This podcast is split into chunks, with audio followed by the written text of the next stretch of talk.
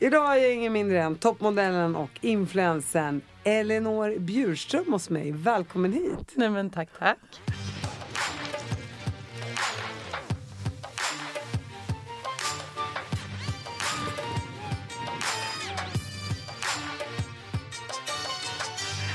Du, det, du har ett väldigt eh, svårt efternamn tycker jag. Ja, ärligt.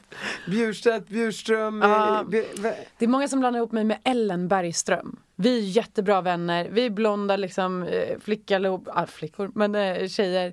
Och eh, vi har lika namn. Så det är ganska ofta som vi får varandras bud. Typ. Står det, Hej Ellen Bergström. Och var bor du och var bor hon? Nej, hon bor i stan, jag bor i, alltså, utanför stan. I Åkersberga. "Jaha, det var en återbetalning, jag tror inte jag ringer upp henne. Ja men det här budet hade inte jag fått annars, det jag tar det gärna. Eh, Fint av, eh, vad säger man, trevligt att läsa ett litet avi här, eller Ja, vad man ja, kallar det. Say hello to a new era of mental health care. Cerebral is here to help you achieve your mental wellness goals with professional therapy and medication management support. 100% online. You'll experience the all new Cerebral Way, an innovative approach to mental wellness designed around you. You'll get a personalized treatment plan from a therapist, prescriber, or both in a safe and judgment free space. Your Cerebral therapist or prescriber will outline a customized plan with clear milestones along the way so you can get to feeling your best. With Cerebral, you're not alone in your mental health journey. We're here to empower you to live a fulfilling life. So take that first step towards a brighter future and sign up today at cerebral.com slash podcast and use code ACAST to get 15% off your first month. Offer only valid on monthly plans. Other exclusions may apply. Offer ends July 31st, 2024. See site for details. Hey, Dave. Yeah, Randy. Since we founded Bombus, we've always said our socks, underwear, and t shirts are super soft. Any new ideas? Maybe sublimely soft. Or disgustingly cozy? Wait, what? I got it. Bombus. Absurdly comfortable essentials for yourself And for those facing homelessness. because one purchased equals one donated. Wow, did we just write an ad? Yes. Bombas. Big comfort for everyone. Go to bombas.com slash ACAST and use code ACAST for 20% off your first purchase. Innan vi kommer in på um, hur du blev känd för svenska folket, för det blev du genom Top Model som eh, gick 2014, där du faktiskt Mm. kom tvåa. Så berätta lite om din uppväxt, så kommer vi in på hela din karriär ja, sen. vi börjar från början så att säga. Nej men eh, jag eh, är uppväxt med mestadels min mamma och min bror. Jag har en eh, pappa, han har alltid varit liksom min pappa så. Men han har varit lastbilschaufför, kom hem varannan helg och där. Ja. Så jag är uppväxt med min mamma om man säger så. Var de gifta? Ändå? Ja, de var gifta, sen skilde de sig när jag blev 13. Eh, och då tappade väl jag kontakten med pappa men fick upp den idag och idag är vi jättebra vänner. Men eh, nu, jag, du bara börja från början och nu hoppar jag liksom fram till idag. Det är bara att gå tillbaka. Eh, nej men eh, så jag är uppväxt med min familj. Eh, vi har alltid haft det lite kämpigt hemma ekonomiskt. Ehm, just för att min mamma har varit sjukskriven mycket. Eh, och hon var ju ensamstående typ så att säga. Ehm, men jag fick också diagnosen psoriasis när jag var sex år gammal. Eh, jag kommer inte ihåg så mycket innan jag fick den här diagnosen. Jag har typ inga minnen alls. Och i skolan så var det väldigt jobbigt. För de som inte vet vad psoriasis är så är det en hudsjukdom, en kronisk som gör att man får jättemycket utslag över hela kroppen. Eh, så jag, alltså min kropp var ju mer täckt av utslag än vad den inte hade om man säger så. Eh, från topp till tå. Och eh, som vi alla vet så är barn i en viss ålder, de är ganska ärliga mot varandra, de säger vad de tycker, de tänker inte riktigt på konsekvenser eller hur det tas emot av den som får höra kommentarerna.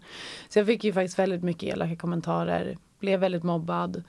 Ehm, det var en gång, eller många gånger som jag satt på bussen och jag hade jättemycket hårbotten. Så de satte sig bakom mig på bussen och tog min mössa och kastade iväg den och sa att de inte vågade röra mig och att jag var äcklig och du vet massa sånt där. Vet, jag, jag mådde så dåligt över det där. Jag sprang, jag sprang av bussen, för de flesta hoppade av i samma busshållplats. Och så sprang jag till min morfar som bodde i närheten. Satte mig under hans trappa utomhus och bara grät i typ en halvtimme tills jag visste att de hade gått förbi. Liksom. Eh, så uppväxten har varit väldigt eh, tuff med min psoriasis. Och ehm, efter att eh, man blir mobbad och sådär och så kollar man sig själv i spegeln och känner att så här, men de har ju faktiskt rätt. Jag är väldigt äcklig. Jag är liksom, vem fan ska vilja ha mig? Så jag bildade ett väldigt stort självhat, fick väldigt mycket ätstörningar, eh, fick jättemycket problem med ja, allt möjligt. Men framförallt eh, självkänslan, att den var verkligen helt i botten. Sen så blev jag lite äldre, eh, alltså ung tonåring, eh, 13-14. Då bytte jag skola till en annan kommun. Och då bestämde jag mig för att så här, nu ska jag inte kunna bli mobbad. Så jag bestämde att jag skulle täcka min kropp. Eh, alltid ha långärmat, alltid ha långbyxor. På sommaren hade jag typ 6-7 nylonstrumpbyxor på mig. För att då ser det ut som att så här, du ser normal ut fast du är ju inte normalt. Liksom. Eh, med en långärmad klänning. Och så bestämde jag då att nu ska ingen få veta om mina utslag för då kan de heller inte vara elaka mot mig. Och där började ju, där mådde jag egentligen ännu sämre av att gömma mig. För att jag kunde inte följa med mina kompisar och bada. Jag kunde liksom inte göra någonting. Jag ville inte vara intim med någon eh, partner eller någonting sånt. Jag, var ju, alltså, jag låste in mig i mitt skal och låtsades vara någon som jag inte var. När fick du dina ätstörningar? Eh, det kom runt mina föräldrars skilsmässa. Eh, så vid 13 ungefär. När du även bytte skola? Ja, det här kom innan jag bytte skola. Eh, typ ett halvår innan. Men sen bytte jag skola och då var det här kvar efter. Liksom. Och på vilket sätt yttrade det sig? Nej men det yttrade sig att jag slutade äta. För jag tycker alltså Just där och då hade jag nog, kunde jag nog inte förklara Alltså var, var, varför jag gjorde så här, varför jag betedde mig så. Eh, men i efterhand så kan det nog vara ett eh, sätt för mig att straffa mig själv och på något sätt ta kontroll över min kropp. Eh, vilket man absolut inte gör genom att inte äta. Men, nej, men jag tänkte väl så då. Så nej, men jag slutade äta, jag fick åka in till sjukhuset flera gånger och eh, det blev faktiskt väldigt allvarligt ett tag. Mm. Och jag tänker såklart, din mamma Såg hon och kände hon inte hur ditt självhat började växa med åren? Jo, hon, eh, hon märkte det väldigt tydligt, för det var väldigt svårt att undvika. Eh, framförallt där när jag slutade äta så märkte hon ju verkligen att jag mådde jättedåligt. Och eh, hon gjorde ju det en mamma kan göra, försöka prata med mig, förklara för mig att jag är fin ändå. Hon tog mig till massa olika läkare. Men du vet, ett sånt där problem som grundar sig i min psoriasis och det fanns ingen hjälp för mig då eh, emot min psoriasis så var det också väldigt svårt för min mamma att hantera den här situationen. Eh, det fanns nog inte någon som skulle kunna hjälpa mig i det läget mer än mig själv. Jag tänker att många säger ju också att man får psoriasis utav stress. Mm. Så att det kan inte ha blivit en, det måste, eller jag säger så här, det måste ändå ha blivit en ond cirkel av att vara mobbad och stressad. Mm. Och att det är kallt ute kanske. Ja, ja. Mm. Äh, du hade ju inga bra förutsättningar för att inte. självläka så att Nej. säga. Och på den tiden kanske man inte visste heller att så här, undvik gluten, undvik laktos, undvik Nej. alla de där sakerna som socker kan jag inte tänka mig är bra för det här heller. Nej, alltså psoriasis handlar ju väldigt mycket om ditt eh, överlag mående. Alltså det handlar om mat, det handlar om träning, det handlar om eh, måendet, stress. Alltså det är så många olika faktorer. Sen som du säger kylan, vintern då blir det alltid som värst och sen så när man kan sola och bada i saltvatten så blir det bättre. Så att eh, absolut, det är så många olika faktorer som påverkar psoriasisen. Och man kan säga att jag hade ingen faktor på min sida under den tiden. För att jag åt ju inte, jag var skitstressad, jag mådde piss, jag hatade mig själv. Och det, jag täckte ju min kropp så den fick ju aldrig någon sol. Så att det var... Mm. Förstod du att det var så eller har du lärt dig det här med åren? Alltså jag tror att jag hade lite svårt att ta in det när jag var ung. För att det är tufft att vara tonåring, alltså utan några problem. Eller vem, vilken tonåring har inga problem, men sån liksom en kronisk sjukdom eller så. Eh, så jag tror att jag hade väldigt svårt att ta in vad var jag behövde göra. Och så mycket psoriasis som jag hade då så tror jag faktiskt inte att det hade hjälpt om jag hade haft alla de här faktorerna på min sida heller. Hade du mycket i ansiktet också? Just ansiktet var jag faktiskt besparad att inte ha så mycket. Jag hade lite som växte fram i pannan från hårbotten. Men jag hade inte så mycket i ansiktet, vilket jag är så glad över. Jag tänker med, om man kommer från en familj där föräldrarna skiljer sig, man är ekonomiskt hårt pressad, din mamma gick på sjukbidrag. Mm.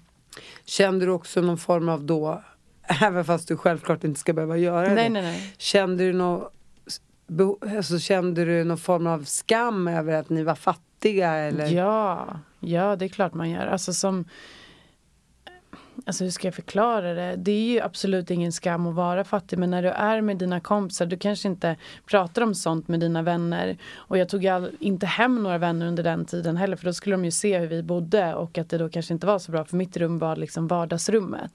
Men eh, jag, man kan ju kanske inte riktigt vara med på det man vill. Jag hade till exempel, vi hade inte råd med ett busskort till mig vilket gjorde att jag fick ju liksom skrapa ihop för enkelbiljetter hela tiden.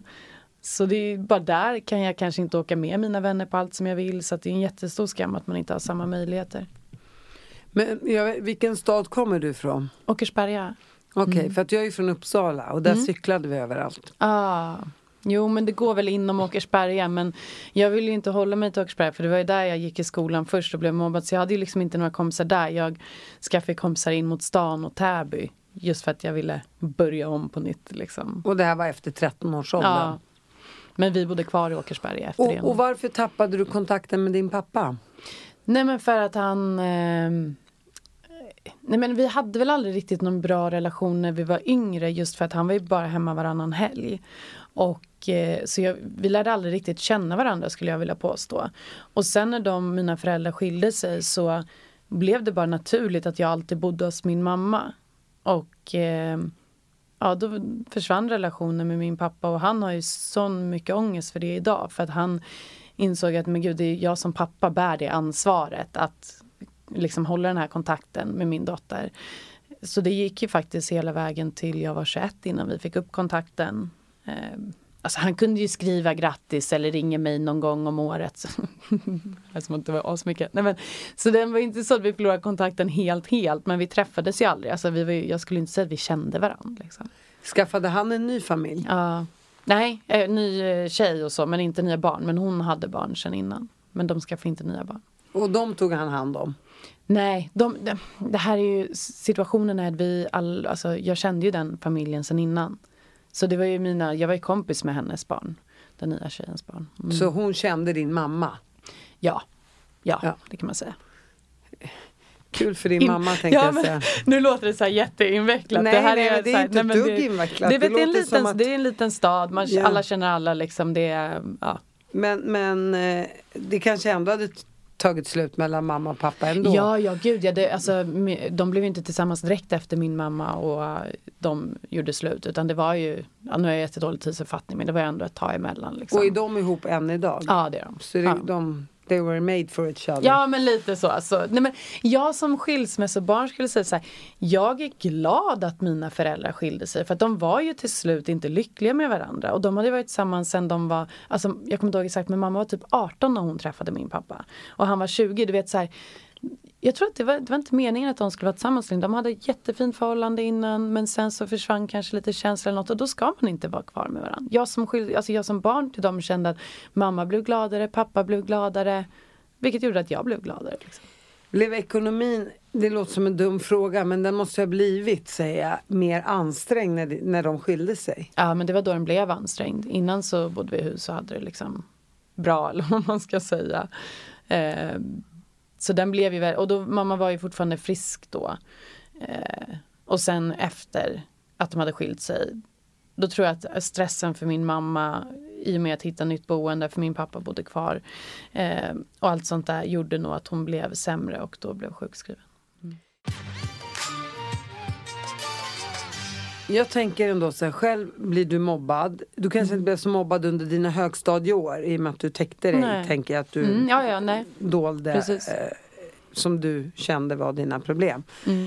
Eh, som egentligen inte är ett problem. Nej nej nej men för mig var ja, det ju, alltså, det får man säga, för mig var det ju ett problem ja. och det hindrade mig. Liksom. Och det, mm. det är så dumt för att när man är ung så kan, så vet, det är så många barn som har så mycket större problem. Mm. Du vet, man kan inte gå, man är hörselskadad, man är blind, man blir drabbad av cancer eller vad det mm. nu kan vara. Och så ska man bli mobbad för att man inte ser mm. helt lik sin kompis. Mm. Eh, jag tycker det är, det är så hemskt att det tar så mycket energi och att andra barn stjäl din barndom ifrån dig. Alltså mm. lyckan av att mm. få vara bara barn på något sätt.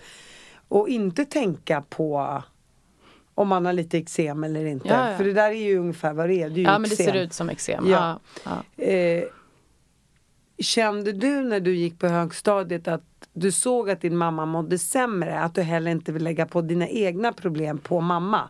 Kunde ja, du känna så är det? det? såklart. Ja, absolut. Eh, jag kände väl, eller jag vet inte, jag blev ju också lite så här, i och med att jag hatade mig själv väldigt mycket och det gjorde jag även i högstadiet, även fast jag inte blev mobbad. För att eh, trots att jag när jag gick i skolkorridoren så kunde jag le och vara glad, men jag kom hem och tog av mig mina kläder och skulle duscha, då insåg jag att allt är bara en lögn. Så att jag mådde ju fortfarande själv väldigt, väldigt dåligt. Och jag tror att i och med att jag började gömma mig själv så lärde jag mig också att dölja allt för alla. Att gömma hela mig själv, inte bara det fysiska utan även det psykiska i mig själv.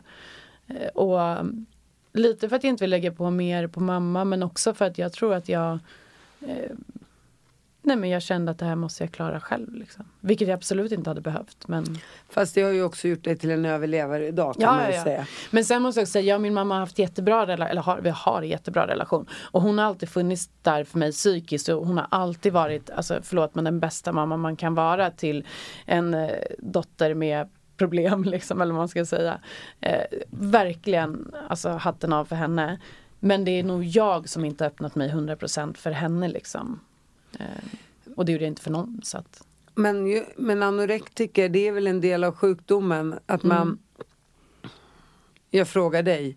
Det är väl också att man på något sätt man ljuger för sig själv. Och Ja. som du säger att det är det enda sättet, ingen kan ta den kontrollen ifrån dig. Nej. De kan reta dig, de kan säga att du är ful, tjock, eh, du ser för jävligt ut men ingen kan ta ifrån dig att du kan styra maten. Nej, precis. Och jag tror att det var därför jag hamnade där. För att egentligen handlade det nog inte om att jag, eh, eller jag vet att det handlade inte om att jag ville gå ner i vikt eller liksom någonting sånt. Utan det handlade enbart över, som du säger, kontrollen över att det här bestämmer jag själv. Ingen kan liksom tvinga mig att äta mat. Och sen lite ett sätt att liksom självskadebeteende. I allra högsta grad. Vad vägde du som minst? Eh, oj, jag vet faktiskt inte. Eh, Jag eh, vägde jätte, jätte, jätte, jättelite. Alltså, För jag du säger att du ganska åkte in lång. på sjukhus Ja, ja. Nej, men jag var ganska, alltså jag var väldigt lång hela tiden. Nu är jag ändå 73 centimeter. Och på den där tiden var jag väl över 1,70 liksom.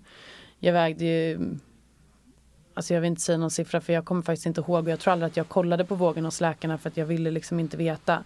Men jag kommer ihåg att läkarna sa till mig att Elinor så här, om du inte ändrar det här nu och börjar äta då kommer du tyna bort och du kommer inte finnas kvar hos oss längre. Och jag tror att det var det som gjorde att jag blev riktigt rädd för att läkarna sa till mig rakt ut att om inte du börjar äta så kommer du att dö. Eh, och det är inte jättelångt, alltså så långt kvar. Och då fick jag någon eh, liten tankeställare att så här, vill jag verkligen dö? Då blev jag rädd för det istället, vilket gjorde att jag började äta lite. Eh, för på den tiden åt jag typ alltså ingenting alls. Så då började jag äta lite mer, men väldigt lite. Sen så var det ju väldigt lång tid som det tog för mig att komma upp i en normal portion och äta liksom så många gånger om dagen som man ska. För mig var det då typ så här, okej jag har ätit en macka och ett äpple idag, då är jag klar, då behöver jag inte äta mer. Alltså, ja. Jo, för, för att går man från ingenting Ja. så blir fem, fem måltider om dagen, det blir ju det är som att bestiga Mount Everest. Ja, ja men så är det, det är klart du måste ta ut magsäcken och det blir, det, så är det absolut. Men det tog, det tog eh, tid innan jag kom tillbaka. De säger ju att anorexian alltid finns kvar som ett tänk genom Mm. livet. Stämmer det hos dig? Ja. Alltså, jag skulle inte säga att jag på något sätt nu eh, skulle agera efter mina tankar. Eh, och jag tänker inte på vad jag äter. Eh, frågar man alla runt omkring mig så är det så här, nej men gud, hon agerar absolut inte på några sådana tankar. Eh, men det är klart att tankarna kan slå mig ibland att så här, okej men eh, nu kanske jag inte ska äta något mer eller nu har jag ätit två portioner. Men sen kommer jag på mig själv och vet att så här, det där är min sjukdom liksom. Eh, det är inte jag och det är inte vad jag vill. Sen så var det också ganska jobbigt under graviditeten. Jag har ju två graviditeter. Och, eller två barn. Jag har två graviditeter. Nej men jag har två barn och båda eh, graviditeterna gick jag upp väldigt mycket. Jag gick upp över 30 kilo under båda graviditeterna. Där slutade jag väga, jag vet inte hur mycket det landade på. Eh, och då var det jobbigt för då fick jag kommentarer om att så här, ah, du har svullnat upp, ah, vad stor du har blivit och ja, men du vet allt sånt där. Och så var det flera andra influencers som la upp på sin Instagram som var gravida samtidigt. Bara, jag har bara gått upp ett kilo och bla bla bla. Du vet. Jaha, men Den hetsen. väger ju tre. Ja jag vet, så, så det betyder att man har gått ner. Alltså, så här. Nej men så då, då tyckte jag att det var jobbigt igen. Ehm, men ehm, jag agerar fortfarande inte på de tankarna då. Och då kanske Men- fick stöd av din man också tänker jag. Ja, gud ja, absolut. Eh, och min mamma som har varit med på min resa innan och barnmorskor och alltihopa. Så jag fick jättemycket stöd. Och jag är glad att jag tog mig igenom det utan att agera på det. Men det var ändå väldigt jobbigt för mitt psyke under den tiden. Om jag ska vara ärlig. Hur gamla är dina barn idag? Jag har en son som är fyra och ett halvt och en dotter som är ett och ett halvt. En gullisar. Mm. Då, du, då har du mycket att göra. Ja, mycket att göra. Ja. Sen så börjar du gymnasiet. Händer det någonting? Förändras Mm. Eh, någonting? Ja, jag hoppade av. Jag började gymnasiet eh, och sen så hoppade jag av gymnasiet ganska direkt efter ett halvår. Eh, och då var det ju för att när jag var jag kommer inte ihåg hur gammal men låt säga att jag var ganska ung för det var typ 13 kanske. Eh, men det var efter att mina föräldrar hade skilts. Så eh, var jag med på en hemsida som heter statist.se. Och då hittade H&M mig där och ville att jag skulle vara modell för dem, deras barnmodell. Eh, vilket jag gjorde och det gjorde jag fyra gånger. Och då var det ju höst och vårkläder så då var det ju inte riktigt att huden syndes utan det var ju långärmat och långbyxor. Och eh, då när jag gjorde de här modelljobben, det var liksom den enda gången jag stod framför kameran som jag faktiskt kände att gud, jag kanske är lite fin ändå. Jag kanske är helt okej. Eh, vilket gjorde att jag, där växt, väck, alltså väcktes en dröm i mig om att bli modell för att jag ville åt den känslan som jag upplevde när jag stod där framför kameran. Så jag började, jäm, kämpade för den drömmen ganska länge. Jag gjorde väldigt mycket så här, ja, men, eh, plåtningar med andra fotografer fast inte ett jobb utan jag gör det gratis, han gör det gratis för att vi ska bygga på vår portfolio. Jätteroligt. Och sen eh, då när jag eh, kom upp till gymnasiet så hoppade jag av gymnasiet för att jag ville börja modella. Eh, det gick ju sådär. Nej men alltså jag gick ju till massa olika agenturer och alla sa samma sak att eh, jag måste bli av med mina utslag och den där sjukdomen för att jag kommer aldrig kunna bli modell med det. Så då gick jag hem och grät hela tiden. Eh, men sen så gick det några dagar, sen kom jag upp på hästen igen och bara nej men jag ska leta vidare, jag ska leta vidare för jag ska göra det här. Sen så var det en dag då som jag eh, såg att de ansökte om modeller till Toppmodell Sverige. Så jag skickade in en ansökan men jag redigerade bort mina utslag. Eh, och så tänkte jag så här för mig själv att om det är så att jag kommer med då har det ju verkligen bara med mina utslag att göra. Men kommer jag inte med där, då har det nog kanske inte med mina utslag att göra. Eh, och då kom jag ju med, fick ju ett samtal om att de ville ha med mig på casting. Och eh, det, jag gick på den här castingen men jag kände typ hela tiden att här, jag kommer inte gå med på det här, jag kommer aldrig göra det här. Men det kan vara spännande att se hur långt jag kan gå. Ja, du vill ju ändå sätta upp någon form av så här självförsvar. Att, ah, jag struntar i om du inte kommer med nu för att strunt samma. Ja men, för gå att jag ville ju ändå inte vara med. Nej, men det kan också vara en sån här, säger jag nu ska vara någon form av psykolog. men det kan också vara en sån här sak. I och med att man har blivit dissad så många gånger så kan man också känna så här. "Ah, Ja, hur det än går så bra att du gör det. Strunt samma om du inte gör det för då vill du ändå inte göra det. Nej, men Lite att- den känslan. Jo men du? så kan det absolut vara lite underliggande. Men ja, och sen att jag sa till mig själv så tydligt så här, om jag kommer med så vill jag nog ändå inte vara med. Det kanske också varit lite så här rädd att bli avvisad och återigen att jag då sa till mig själv så här, nej fast jag vill inte vara med. För då Ja, känns det som att man, man skyddar sig själv. Du, det, Liksom. det behöver man inte må psykiskt dåligt för att göra. Så det har jag kört hela mitt liv. Ja, men ja. okej. Om de inte vill ha mig så vill jag ändå inte ha dem. Jag vill ändå inte vara där. nej, man är så mogen. Ja, Nej, istället men- för bara okej då tar jag nya tag. De Eller- kanske inte vill ha mig men de andra vill ha mig. Och så bara, jag ska bara bevisa för dem att någon dag ska de vilja ha mig. Ja, det är ju bättre. ja. Ja, eh, Okej fortsätt, förlåt att jag Eh, avbröt. Nej, absolut ingen fara. Eh, jag ehm, gick på de här castingarna och sen kom jag till en casting där man skulle prata med en psykolog. För det måste du, tror jag, göra innan de flesta tv-programmen. Så är det. Ja, och då träffade jag den här psykologen och jag bara, nu ska jag gå in här, jag ska vara iskall. Och så började den ställa frågor och jag började böla. Jag bara, jag har inte varit ärlig. Jag har en sjukdom som heter psoriasis och bla bla bla. Ja, men du vet, hela eh, grejen. Och psykologen bara, ja, jo, okej, ja men vi, vi hör av oss. Sen så då kände jag direkt så här, nej men nu kommer de inte ringa något mer och det, det är lugnt. Men sen ringde de faktiskt och sa det att vi, vi gillar dig, vi vill att du är med i programmet. Och då, alltså du vet, jag fick sån chock. Så jag bara, ja. Sa att jag ville vara med. Men jag ville ju, fan, alltså jag ville alltid vara med. Det var min dröm att vara med där. Men jag var så jävla förbaskat rädd. För att i toppmodell så ställer du dig i typ tredje programmet på scenen i bikini och går catwalk för juryn. Och det momentet kan du inte hoppa över. Alltså, du måste göra det. Och det var jag livrädd för. Alltså livrädd. Um, vi, kom, vi åkte faktiskt till Alvik i en lokal och spelade in eh, två avsnitt. Sen tredje avsnittet var då när vi skulle gå upp. När du är med i tv-produktioner i alla fall sån här, då får du inte ha dina telefon. Alltså din telefon tar de ju lite ifrån dig och så här, du får inte använda den här. Och eh, de hade tagit min telefon. Jag kommer ihåg att när den här bikini liksom scenen skulle komma så sa jag till, till produktionen att jag klarar inte det här. Eh, jag vill inte vara med längre. Jag kommer gå upp på scenen med mina kläder och säga att det här var ingenting för mig. Jag vill avsluta. Men då sa ju produktionen att nej men du får inte och försökte peppa mig men du vet jag var ju helt hysterisk. Jag grät och tyckte det var skitjobbigt. Men då sa de du får ringa din mamma om du vill. Så jag fick ju min telefon och så ringde jag min mamma. Hur gammal är du nu vill jag veta? Mm, jag är 18 när det är men jag är 19 senare. När det sänds? Ja. Eh, så jag fick panik och bara ringde min mamma och bara mamma jag, jag, kan inte göra det här, jag kan inte. Och du vet min mamma hon bara lugnade mig så jävla mycket och bara Elinor, det här är vad du vill. Och du vet inte hur långt du kan gå i den här tävlingen. De har tagit med dig nu för att de tycker att du förtjänar den här chansen. Ta den. Tänk inte så mycket, gå bara upp på scenen. Och sen när du väl är där, då är det gjort, då kan du inte ångra dig. Och när jag la på min mamma så gick jag raka vägen upp på scenen. Alltså det tog inte ens några sekunder emellan, jag gick bara raka vägen upp på scenen. Och där stod jag i bikini och bölade ögonen ur mig. Försökte ändå hålla det samman. Um, och så var juryn då, eh, Jonas Hallberg, en fotograf och Caroline Winberg.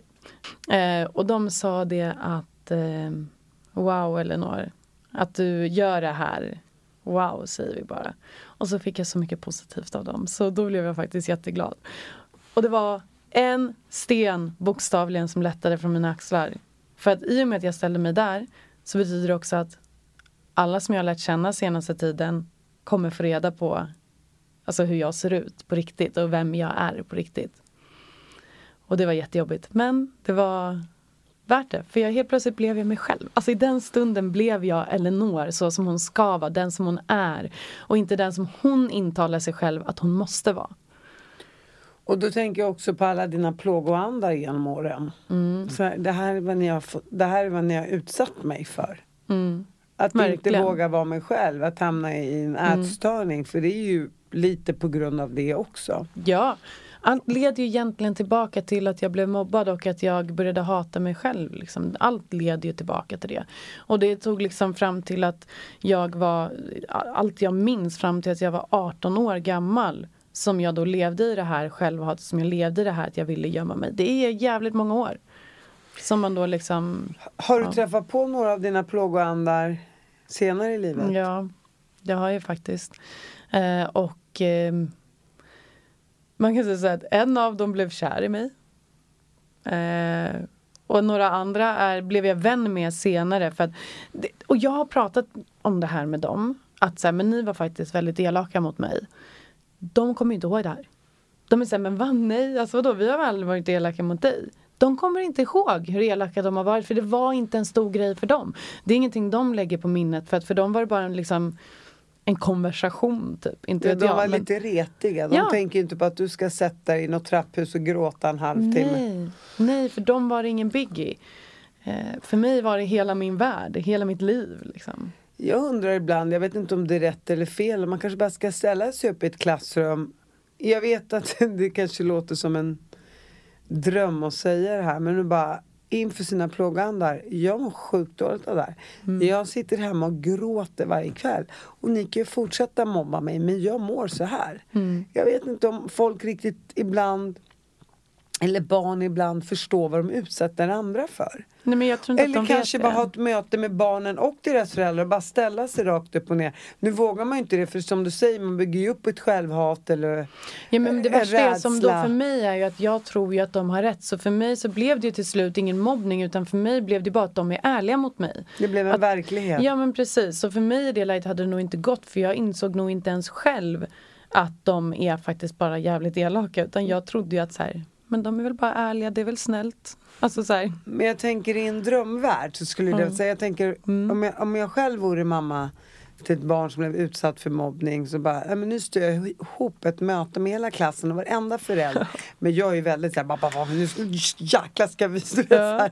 Men det är klart, har man inte det där så är det ju Men jag vet svårt inte på heller, något sätt. barn tycker att det, alltså de vill ju gärna bara skjutsa undan problemet. Jag tror att man blir nog mer rädd att bli mobbad men jag håller med dig. Det hade varit en sån otrolig drömvärld att bara kunna För det du gör i säga TV, ifrån. för det du Mm. gör i TV är ju just det. Fast du är 18 år gammal. Ja. Och man hade ju hoppats i en drömvärld att du hade fått ut de känslorna redan som sexåring. Ja, eller? att jag redan hade kunnat ställa mig på den scenen, inte just den scenen Nej. men typ som liksom på Ja. den scenen redan när jag var ung för då hade jag kanske mått mycket bättre i mina unga dagar. Förhoppningsvis.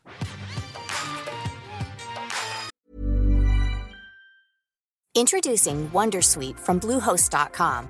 Website creation is hard, but now with Bluehost, you can answer a few simple questions about your business and get a unique WordPress website or store right away. From there, you can customize your design, colors, and content. And Bluehost automatically helps you get found in search engines like Google and Bing. From step-by-step guidance to suggested plugins, Bluehost makes WordPress wonderful for everyone. Go to bluehost.com/wondersuite. Hey, Dave. Yeah, Randy. Since we founded Bombus, we've always said our socks, underwear, and t shirts are super soft. Any new ideas? Maybe sublimely soft. Or disgustingly cozy? Wait, what? I got it. Bombus. Absurdly comfortable essentials for yourself And for those facing homelessness. because one purchased equals one donated. Wow, did we just write an ad? Yes. Bombas. Big comfort for everyone. Go to bombas.com slash ACAST and use code ACAST for 20% off your first purchase.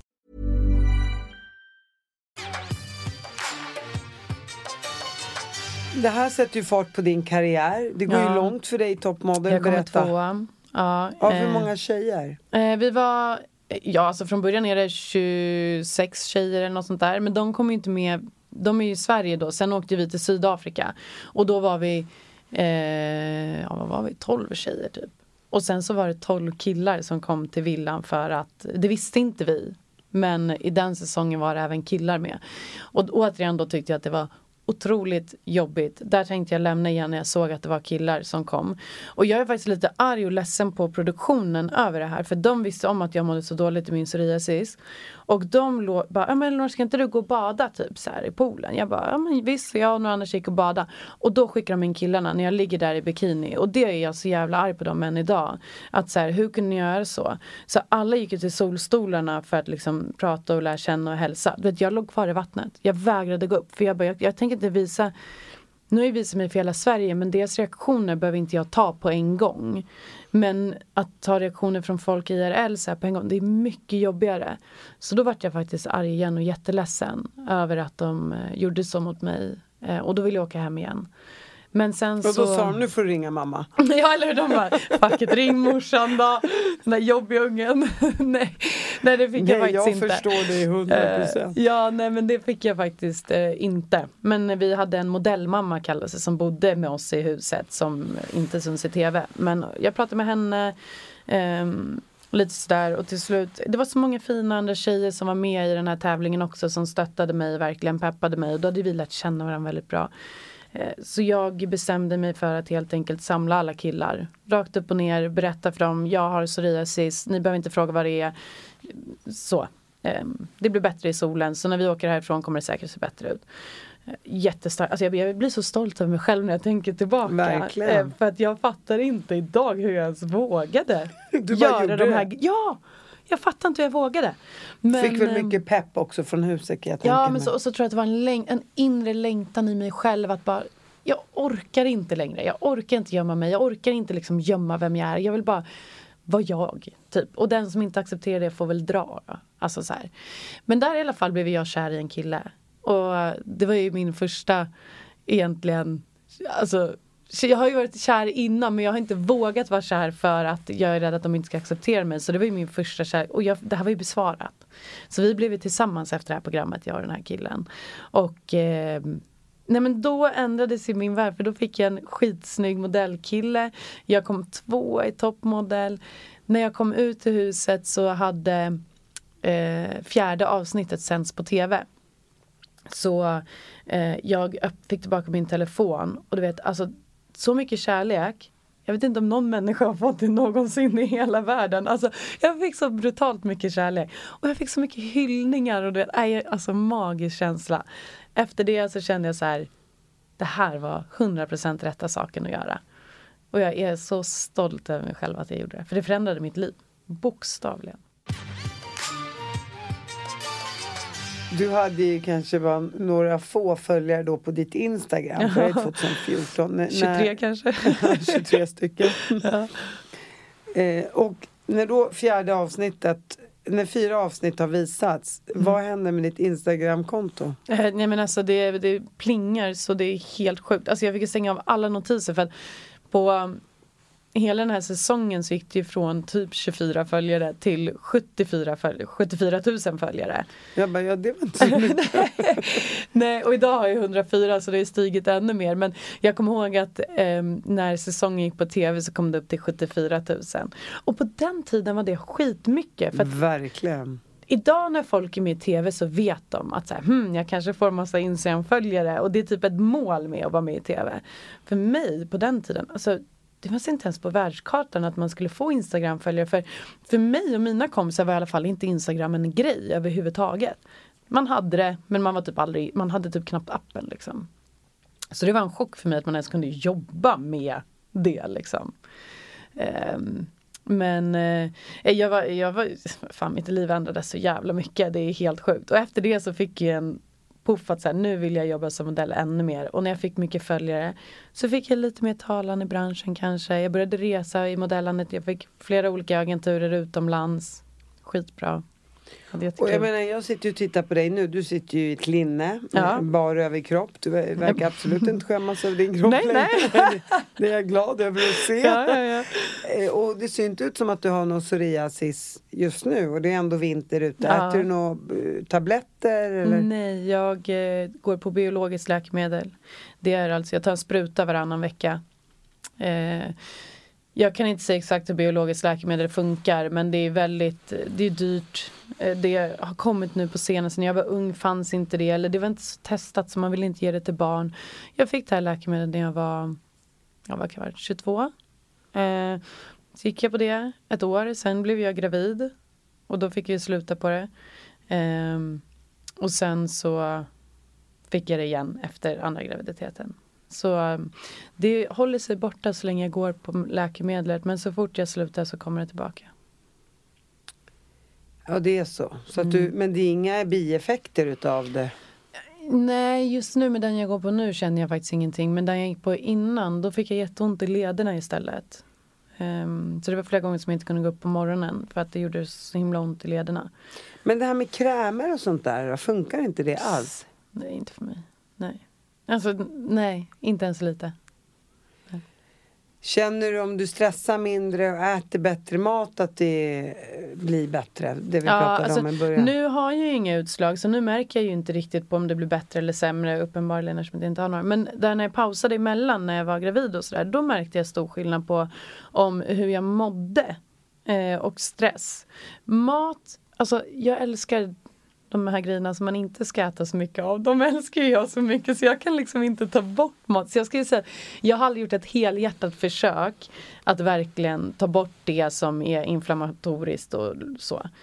Så jag ska inte säga om maten eh, hjälper. Jag älskar det för mycket. Nej men så länge jag menar, och så länge man är nöjd och det funkar med spruta och så vidare. Ja, och jag känner att jag är så rädd också att om jag då ska gå in på det här med maten att ja, jag kommer ja, trigga igång min ätstörning. Ja, för att det är ju typ socker och liksom ja. sånt, du ska jag äta hälsosamt. Nej, typ. och då är jag rädd att det ska kicka igång min ätstörning. Nej, jag, till och med jag är stolt, eller till och med, jag tar tillbaka, jag är stolt över dig. Ja men tack, vad gulligt. Eh, då tänker jag, den här killen du blev ihop med. Eh, Ja, det är Mol- inte han jag har barn med Nej, nu. Vi det, det slut. förstår jag. Eh, Annars skulle jag sagt hans namn. Molgan. Alfons Åbergs osynliga kompis. det måste ju ha tagit slut sen efter ett tag. Ja, efter eh, två år. Två, Mm. okej, ni var ändå ihop ganska länge. Och när träffade du nuvarande man och vad heter han? Nej, tre månader efter att jag, jag Ja, blev ja, ja. dumpad av min förra. Nej, varför blev du dumpad för? Eh, nej men han sa, nej, men han, han jag går inte ihop, jag ska inte liksom outa någon här liksom så. Nej. Men eh, jag kan väl säga så här, jag, jag är glad att han dumpade mig för att vi gick inte ihop. Vi, var, vi blev kära i huset, vi levde i en liten drömvärld. När vi kom ut så stod det stora tidningsartiklar om att vi var Sveriges snyggaste par och du vet så här. Vi levde på Det det, var ganska lite kul länge. att höra. Skitkul att höra. Det har jag aldrig Eh, fått höra, att nej. jag och min man är Sveriges snyggaste par. Nej, det var faktiskt en ära att få höra. Men jag tror att det också höll ihop oss längre än vad vi egentligen borde ha varit tillsammans. För att ehm, när jag tänkte tillbaka så hade vi kanske inte så bra någon gång alls. egentligen. Ni var ju unga också kan man ju säga. Jätteunga.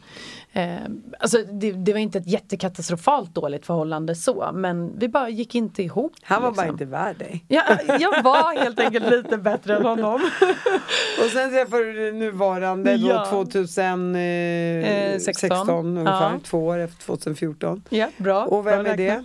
Eh, han heter Jimmy Olsson. Han är eh, en extremsportare. Han är med i gruppen Rackartygarna. Det är många som vet vad det är. Eh, vi blev kära. Jag åkte till Thailand för att jag hade så jävla mycket psoriasis då. För det var innan jag fick min spruta. Och det här uppbrottet gjorde mig otroligt stressad. Jag hade varit i Sverige i två månader. För jag och min eh, expojkvän bodde i Barcelona tillsammans. Så jag flyttade till Sverige. Psoriasisen blossade upp som aldrig förr. Alltså det, det var överallt i hela mitt På ansikte till tal om stress. Ja, alltså när jag mådde piss. Och så låg jag hemma och tänkte så här, jag måste göra någonting, jag måste göra en förändring. Så jag bokade en biljett till Thailand tio timmar innan planet gick. Jag måste bort, sola bort den här skiten, må bra, rensa mitt huvud, liksom allt. Eh, flög dit själv, träffade en kompis där. Då träffade jag Jimmy och Rackartygarna på Arlanda. Och eh, man kan säga att vi blev väl kära direkt liksom. Vi hann, vi hann inte ens säga hej innan vi var kära. Eh, Gud vad coolt ändå. så jävla ballt. Och vet du vad det absolut ballaste är? Det är att han blev kär i mig när min psoriasis var som värst. Alltså den var som värst någonsin i hela mitt liv. Och då går han och blir kär i mig. Det säger ju faktiskt att han älskar ju mig för den jag är och inte för hur jag ser ut. Inte för Ja, att, men snälla, nej, men inte för att det är inte går att älska psoriasisen. Men du fattar vad jag menar. Så här. Liksom, Jo, jag fattar, men du är en sjukt snygg tjej så lägg nej ner. men vad gulligt, tack. Nej men sluta. Oj, jag komplimanger. eksem, han älskar mig för att jag hade lite eksem. Det är Nej, men det jättekonstigt. var, det var faktiskt jätte, jättemycket jag är eksem, så att- 1,73 och ser ut som en modell. Ja, men... Nej men jag, jag tycker att det är jättefint av honom att liksom på, När jag var på min botten så, så träffades vi och blev, vi blev kära. Liksom. Och nu är vi tillsammans i, ja, vi kan göra matten själva men det är många år. Två barn, ett hus, vi har byggt hus. Ja, vi älskar fortfarande varandra. Sju Ibland. år. Nej jag skojar. Ibland, ja, ja, men det går ju upp och ner för Ja, alla. ja. Ibland är det himla, och ibland, äh, men- ibland är det himla, ibland är det helvete. Speciellt efter den här, vi båda är egenföretagare och den här långa vintern av vabb, vabb, vabb. vabb. Alltså vi har haft magsjuka fyra omgångar. Alltså vi har varit Nej, sjuka jag- konstant. Det, det tär på han och mig obviously. Det är Ja, ja men det, vet du vad? Det tär på alla. Ja, De, alla höra. de, de som säger att det, är, att det inte är så, de ljuger ju. Ja. Så att så här, äh, kom till mig så kommer du känna att du mår mycket bättre som Ja, morsa och att det Då finns kommer hopp jag för och ert. Jimmy på middag någon dag. Är ni gifta? Nej, inte Nej. förlovade heller. Nej men det är det jag säger, alltså, att, det, att det, ett, ett förhållande tar lite stryk under småbarnsåren. Jag tror alla jag känner vill skilja sig varje dag. Ja, nej men jag vill, jag vill inte Nej. veta hur många gånger jag tänker att nu dumpar jag den här killen Ja, för jag ja, pallar ja. inte. Mm. Alltså det händer många gånger. Men sen går det över. Vi, vi älskar varandra och vi är menade för varandra. Men det är tufft ibland. Det är det. Men jag kan säga att efter tre år med det yngsta barnet så Ja. har man nått ljuset i tunneln. Ja, det är så. Ja, ja. Shit, det är bara ett och ett halvt år kvar. ja det är ett och ett halvt år. Om du kan rida ut den stormen så blir det bra. För att efter tre det. år så är det också så här, det är mindre sjukdomar förhoppningsvis. Ja. de är mer självständiga, kan det sitta med så, sin alltså, min padda. dotter är ett och ett halvt. Alltså, du vet, det är, Det är jättejobbigt, Ja. man kan inte släppa barnen en sekund. Nu finns det ju Nej. ändå dagis tack och lov i Ja, Sverige. gud, ja, kan du tänka dig utomlands man Ja. sitter och stirrar in i sina ungar dygnet runt. ja, Alltså, så här, nej, jag hade inte klarat det. nej, alltså, jag behöver få vara mig själv. Alltså, så här, Ja. Jag älskar mina barn, det behöver jag nog inte ens säga att jag gör för att folk ska fatta att jag gör det. Men jag behöver stunder för mig själv. Jag måste få känna att nu är jag Elinor, nu gör jag någonting som jag tycker är intressant. Jag gillar inte att sitta på golvet och reka med Babblarna-gubbar. Liksom. Det är inte det jag vill göra Nej, hela och dagarna. alla är olika, herregud. Jag, det är ingen som ifrågasätter. Nej. Frågar jag vad som morsa istället så kommer Ja. du tycka att du är en babblare morsa eller vad det nu heter. jag, Jag bara, ska- jag ska inte fråga. åh, Jag börjar jag gråta. dig. Kan du bara gå härifrån snälla? Ja, för att mamma orkar inte. Mamma, Jag orkar ungen är två år gammal. Lugna Ja. ner dig. Det är du som har valt det där. Ja, och dessutom är det så här. När man är mitt i det där så tänker man så här. "Hu- Hur ska jag stå ut? Mm. Ska jag stå ut med att du sitter och gråter här? Ska jag stå ut med sömnlösa nätter i resten av mitt Mm. Någon liv? bara står och skriker mig i ansiktet och kan inte förklara vad. Jag har testat allt och ingenting funkar. Då blir jag så här. Okej, Men man lilla måste- dam, vad vill du? Ja, och man måste förstå att det här är en transportsträcka. Ja. Alltså för mig, alltså, det, det säger jag till alla mammor som tycker det är lite halvjobbigt. Jag bara, vet ni vad? Fråga mig. Ja. Jag säger bara stå ut. För att Ja. det, kom, det blir bättre. Ja. De blir äldre. De kan börja kommunicera. Det, det händer grejer. Min de, son som är fyra och ett halvt, Ja, du han vet är ju ändå, själv. alltså, det är ju en helt annan sak Exakt, med honom än vad det är med våran dotter. såklart. Ja, och så spelar in Unga mammor också, eh, tv-programmet. När min son då var två veckor gammal, då började jag spela in det. Då kan jag säga att då var jag inte en bra mamma. Eller jag var en bra mamma, men trött. För att tv-teamet kom tidigt, gick sent, jag fick ingen vila på dagen. Aron var två veckor gammal. Alltså vet, då kan jag säga att då höll jag på att gå in i väggen alltså. Ja, för får man inte sova, det är ju det bästa sättet att hålla fångarna. Ja men bara få ligga och kolla på Helt- serier med ungen vid tutten liksom. Nej, vet, men- bara chilla hela. Det fick ju inte jag, jag skulle ju springa runt liksom i tre månader spelade vi in det där programmet eller någonting. Alltså, så här. Nej men det, är- det är nästan sjukt att man ställer upp för Ja, att ja. man behöver sömn. Efter, speciellt efter en förlossning. Du vet, Ja. din son var två Mm. veckor gammal.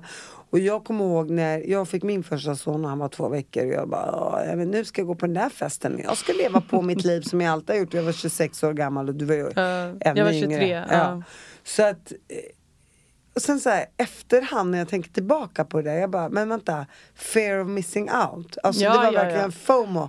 Och idag tänker jag så här, men är du sjuk i huvudet? Du skulle ju bara ha sovit, Ja, tagit det njut. lugnt. eh, Ja, njuta vet jag inte om det Ja, gick. men, Men, njuta av att eh, bara så här, vara hemma. Med, alltså, exakt. Njuta vet jag Gill, inte. eh, snarare gilla läget. Njut när de är två veckor, då är Ja. vi lite lugna. Mina har varit lugna fram till två månader, sen blir det kaos. Så när de är två veckor då är det ju, då är det chill. Jo men du vet efter en förlossning, du ska säkert vila upp dig en månad rent Ja, kroppsligt och fysiskt, man har inte sovit liksom. När jag fick och ett det- akut snitt med min dotter, då kan jag säga att det var Nej, jag låg ju faktiskt inte och vila efter det, men jag borde ha gjort.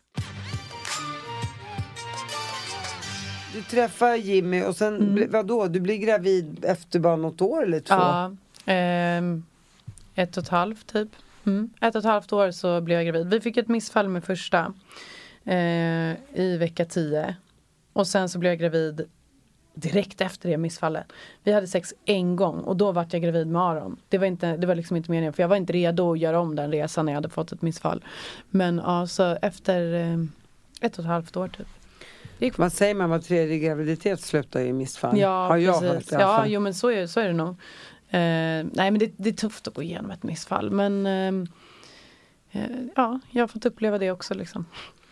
Jag tänker, nu tjänar du bra idag? Ja, alltså det beror på vad man menar med att tjäna bra. Jag känner så jag klarar mig och så jag kan hålla den livsstilen som jag vill ha. Men eh, ja, det är inte överdrivet mycket så. Nej men Känn- gud vad jobbigt det är att prata om ekonomi. Nej, nej du behöver så inte gå in, men jag tänkte mer, hjälper din mamma idag? Eh, ja, alltså eh, Både ja och nej. Det är inte så att jag liksom typ betalar hennes hyra eller så. Men eh, jag betalar väldigt mycket saker och jag ger henne väldigt mycket. Och, och så här, hittar vi på något tillsammans så finns det ingen möjlighet, eller möjlighet finns det men det finns ingen chans att det är hon som betalar utan då gör jag det. Du, du vill ändå ge tillbaka? Ja, lite så. Jag är väl som hennes mamma nu. Som en mamma, när man handlar med sin mamma så betalar mamma liksom. Och när man är ungdom så får man liksom det man behöver. Men du kanske inte får så mycket pengar i fickan. Eh, lite så är det. Jag, skulle hon Du vill behöva skämma bort din mamma såklart. Ja, hon förtjänar, hon ju skämt, alltså även fast hon hade det tufft så eh, fixade hon ändå tak över huvudet. Hon fixade mat på bordet till mig och hon kämpade för att eh, jag och min bror skulle ha det liksom bra. Och hon gjorde det bästa utav hennes förutsättningar och jag tycker att eh, hon förtjänar, jag är inte skyldig henne någonting, men hon förtjänar att få tillbaka lite. Det är rätt intressant att du säger där att man inte är skyldig. Ja. För, för det är man ju egentligen Nej, inte. men Men, det är att man inte. vill Ja. göra det för sin mamma. För i vår kultur är man skyldig. Ja, det är så.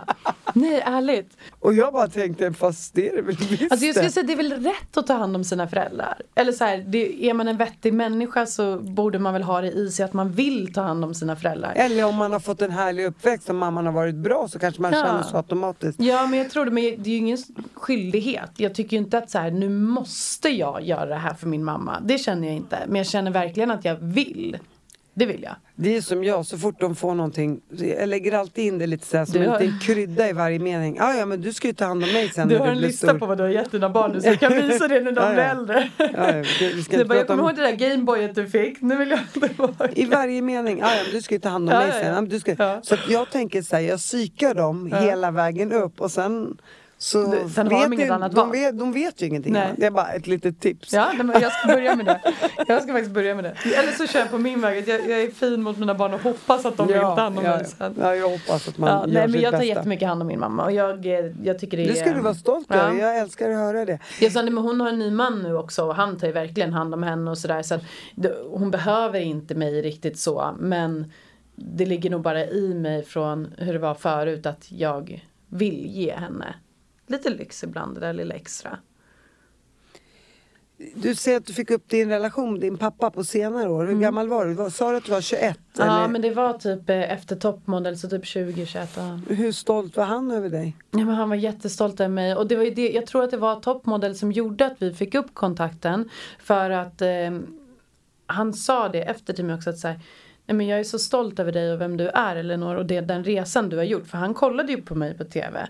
Och eh, Var det innan ni fick upp relationen? Ja, han kollade på mig innan. Alltså, ja, jag ska inte säga att det aldrig har varit någon, att relationen har varit helt död. Men den har i princip varit död. Eh, och då sa han till mig, bara, "Ja, men jag är så stolt över dig. Och då tror jag att han insåg att jag har en väldigt klok och fin dotter. Och då öppnade han nog upp sig mot mig. För det var han som tog liksom, släppte på muren till mig innan jag gjorde det. Och då kände jag så här att men gud, han, det, han kanske är värd att lära känna ändå. Och eh, sen så, nu bor vi jättenära varandra. Eh, han har byggt vårat hus. Eh, han är snickare. Och eh, jag skulle säga att jag älskar min pappa över allt annat på den här jorden. Och vi är otroligt lika och jag kan inte se ett liv utan honom nu. För att han är verkligen en av mina närmaste personer i livet. Vad var hans förklaring? Han har ingen förklaring. Han säger bara att han var upptagen med jobb. Min pappa kanske inte är den som eh, pratar om känslor eller visar känslor riktigt jättemycket. Eh, har ganska svårt att prata om känslor överlag. Men han visar gärna i handling istället. Eh, men på den tiden tror jag att han kände sig väl ganska utestängd av mig. Han, absolut inte att han blamear mig. Men då hade han svårt att veta hur han skulle, för jag hade ju det här självhatet till mig själv och stängde ute allt. Och du vet så han har ju svårt att då komma in och prata om det med mig. Så då blev det nog lättare för både han och mig att bara inte ha någon kontakt alls. Hur var det med din bror? Eh, men där var det väl typ samma, han och pappa hade lite mer kontakt. Men eh, han bodde ju aldrig där, han bodde ju också med mamma hela tiden. Eh, men de hade väl lite mer än vad jag hade. Jag var ganska stökig där i tonåren, drack mycket och du vet så här, bara försvann från föräldrar och skit. Ja, här kommer det fram. Ja, här, kom, här kom det fram ja. Nej, men det, var, det var faktiskt en väldigt eh, vild period för mig. Eh, och det har också att göra med att jag förlorade en tjejkompis när jag var 17 eh, i en väldigt jobbig situation. Hon blev faktiskt eh, skjuten av sin kille. Eh, och det fick vi hantera och då gick det väldigt mycket utför för mig och en av mina kompisar och vi bara drack typ hela tiden. För det var ju vårt sätt att hantera den här situationen. Ehm, och under den tiden så var det väl väldigt svårt för någon att nå mig. Eh, Och pappa var väl kanske inte den som försökte ta sig in genom mitt skal då heller. Så relationen försvann ganska eh, mycket. Men sen har vi pratat om allt efter nu och eh, han har sagt att han har jättemycket ångest över att han aldrig fanns där för oss. Man kan inte spola tillbaka tiden och göra det ogjort. Men han har sagt att han ska bevisa för sina barnbarn att han ska steppa upp det då istället. Och det gör han verkligen. Han eh, älskar sina barnbarn och visar sig. Ja, men nu, han är fantastisk. Och byggt ert hus och försöker vara engagerad. Ja, och han ringer och vi pratar ofta liksom. Ja. Har han och din mamma någon kontakt? Nej. De ses ibland på så dop och födelsedagar och sådär men de har ingen kontakt. Och det behöver man ju i Sverige inte ha tänkte jag säga. Eh, så länge... Nej men de hade lite kontakt tänk- i början när vi var yngre, i början när de skilde sig. Då var det, men nu när vi barn har blivit äldre så finns ingen anledning för dem att ha Nej, kontakt. det, det liksom. förstår man. Och i, så länge du har en bra relation till Ja. dina föräldrar Ja. och din bror antagligen. Och min mamma har ingenting emot det. Hon har aldrig pratat Nej. något dåligt om min pappa eller någonting. Hon är bara glad att vi kan ha en relation. Såklart. Det är ju positivt. Det är Ja. en positiv sak. Mm. Jag tänker nu du och Jimmy här. Du, give me Jimmy. No, it's mine. Ja, ja, ja. nej, nej, nej, nej, nej. nej. men ä, ä, han tänker inte att han ska fria eller? Nej men så här är det faktiskt att jag har ju pratat med Jimmy om det här. Och eh, jag är lite klassisk i det sättet att när vi, när han, vi, när han friar. Då vill jag ändå att vi ska gifta oss i alla fall inom två år. Eh, och jag vill ha ett stort bröllop. Alla mina vänner och familj, vi har stor familj och vänkrets.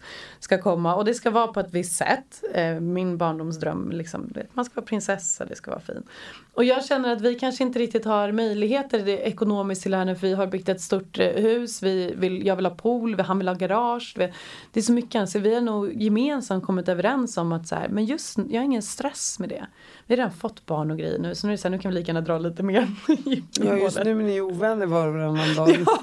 Dottern ja, måste väl precis. bli, det måste gå något år eller två. Ja men vi måste väl kunna hålla sams mer än en vecka liksom.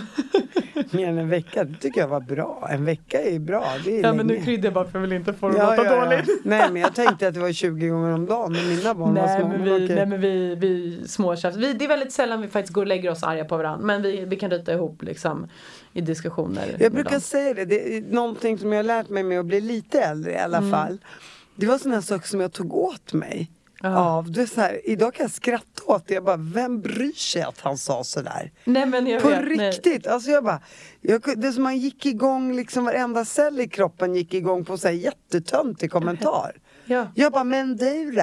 Nej, men man Det- går varandra på nerverna bara. Det är sandlådenivå på Ja. fullaste allvar. Ja. Det, det är en sak som jag har lärt mig med åren. In här, ut där. Det jag är Och man- glad för med mig och Jimmy det är ändå att vi släpper det väldigt fort. Alltså vi kan ju ha ett litet tjafs och sen så tre sekunder senare så kollar vi på varandra och då börjar vi bara skratta och bara okej. Men vad håller vi på ja, med? men lite så. Men det är bra. Ja, det, det är det, skönt. det, det, det finns hopp för framtiden. Hoppas frieriet kanske kommer någon gång. ja, ja, ja. När du minst anar det. Du har ju också eh, föreläst om det här med psoriasis. Mm. Det, är eh, det är framförallt eh, för andra som har psoriasis, ung, ungdomsläger typ för psoriatiker. Eh, man heter psoriatiker om man har psoriasis. Eh, då har jag föreläst väldigt mycket och även på så här, um, unga människors hälsa, eh, liksom, vad säger man, föreläsningar. Där kommer massa olika. Då har många ja, men hyrt in mig för att prata om att så här, men det känns jobbigt ibland när man är ung och det, det här är min resa men idag mår jag liksom bättre än någonsin och man kan ta sig igenom det, man vågar gå över den där lilla tröskeln. Eh, nej men lite så. Så jag har faktiskt nu precis innan jag kom in fick jag förfrågan om några till föreläsningar så det är kul. Ja, för då känner också att man gör nytta. Okej, om man kan hjälpa andra så är det ju fantastiskt. Ja. Jag, jag tänkte bara om du tar tillbaka det här Magnus, tillbaka till din och Jimmys där. Mm. Skulle, skulle du säga att att i och med att ni skrattar när ni tjafsar och bråkar lite sådär, är det som får i- ert förhållande, eller så här, jag, jag vänta, ta tillbaka det här, så säga så här, vad skulle du säga får ert förhållande att funka? Eh, ja du. Eh, jag tänkte skratta nu och säga så här, ja det kanske inte funkar. ska- Nej men det som får vårt förhållande att funka är väl att vi, vi är inte så långsinta. Vi är väldigt olika på ett sätt vilket gör att vi kompletterar varandra jättebra. Och jag och Jimmy går faktiskt i parterapi. Eh, och det har vi gjort ganska länge till och från. Och vi det är inte för att vi har så här något stort problem som vi måste ta oss över utan det är jag som är så här, men Jimmy fan kan vi inte testa det? Jag tror att men lite i förebyggande syfte att kunna kommunicera och förstå varandra är väl nyckeln till att man ska ha ett långt förhållande. Och eh, det hjälper oss jättemycket. För att vi kommer fram, alltså, vi kan skratta på de där mötena ibland också, bara vara skitglada. Men ibland är det lite jobbigare saker och vi förstår varandra och eh, jag tror att det hjälper oss jättemycket. Men jag tror att det där är helt, det är, ju, det är faktiskt det är ett smart råd. För att, Ja. jag menar, i, I våra länder då sitter de och gapar och skriker på varandra och så sitter deras familjer där och försöker lösa det åt dem. Men de sitter mamma ändå- där på hörnet. Jo, jo, de sitter ju ändå och pratar av sig. Ja, ja, Det är det som är hela grejen. Man sitter och pratar av sig. Alla behöver någon att prata av sig med. Så är det absolut. Och jag skulle förespråka parterapi för alltså, alla som är i ett förhållande. Vare sig du tycker att det är bra eller dåligt förhållande så tror jag att parterapi gör bra. Och speciellt nu när vi har så små barn. För vi kan inte sitta och prata hela tiden framför barnen om alla problemen vi har. Det är lätt att vi liksom lägger inte fokus på våran relation nu när barnen är så små. Men när man går i parterapi så är det verkligen en och en halv timme då du bara lägger fokus på er. Och jag kan säga att jag tycker att den där timmen är typ den bästa timmen på veckan. Alltså jag älskar det. Tack för att du kom hit. Ja men tack.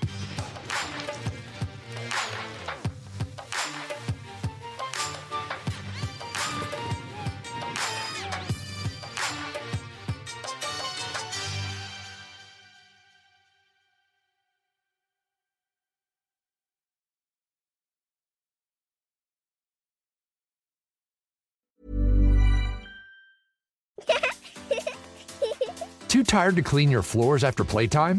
Forgot to vacuum before your friends bring their little ones over? Let Eufy X10 Pro Omni help. Powerful 8000 PA suction removes debris, and MopMaster dual mop pads scrub away stubborn stains with ease. Save time and keep your floors cleaner. Want to know more? Go to eufy.com, that's EUFY.com, and discover X10 Pro Omni, the best in class all in one robot vacuum for only $799. Pulling up to Mickey D's just for drinks? Oh, yeah, that's me. Nothing extra, just perfection and a straw. Coming in hot for the coldest cups on the block.